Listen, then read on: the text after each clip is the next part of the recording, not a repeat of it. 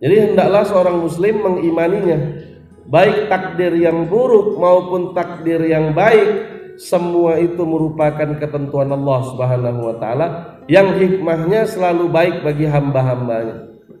Dengan mengimani hal ini secara baik dan benar, seorang muslim tidak akan pernah gundah, lemah, khawatir, takut terhadap kematian, takut miskin di dunia karena semua telah ada alamat dan waktunya.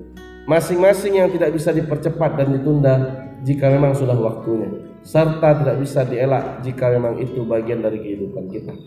Di sinilah iman dan kesabaran kita diuji. Kalau kalian sudah jadi ahlul Quran, harus siap miskin, siap kaya.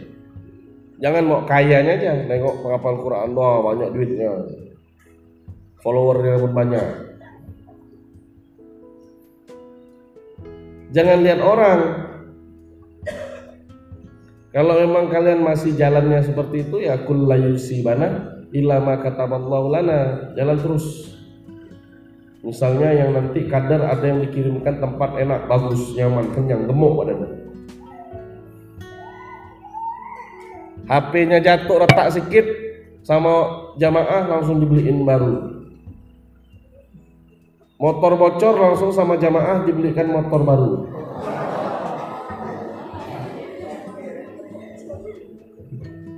Ini dia ditaruh di pedalaman. Jangankan motor HP, makan pun tak didulikan sama masyarakat. Enaknya enggak dia. Kita pun layu sibana illa ma kataballahu lana. Semua sudah punya porsinya masing-masing. Kalau kalian sabar, ada waktunya sesinya Allah angkat derajat kalian. Ada waktunya.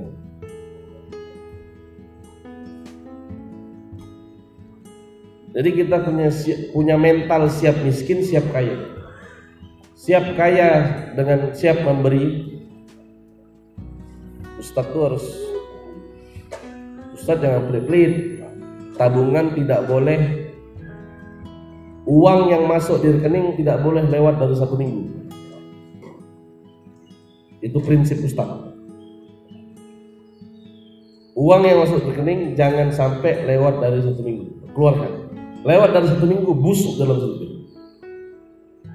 Keluarkan lagi, keluarkan lagi, masuk lagi, keluarkan lagi, perlu masuk keluarkan. Ini duit THR tiga tahun yang lalu masih ada di rekening. Ya Allah, Mau kalian apakan duit itu? Kalau kalian kaya, siap berbagi. Kalau kalian miskin, siap untuk tidak meminta-minta.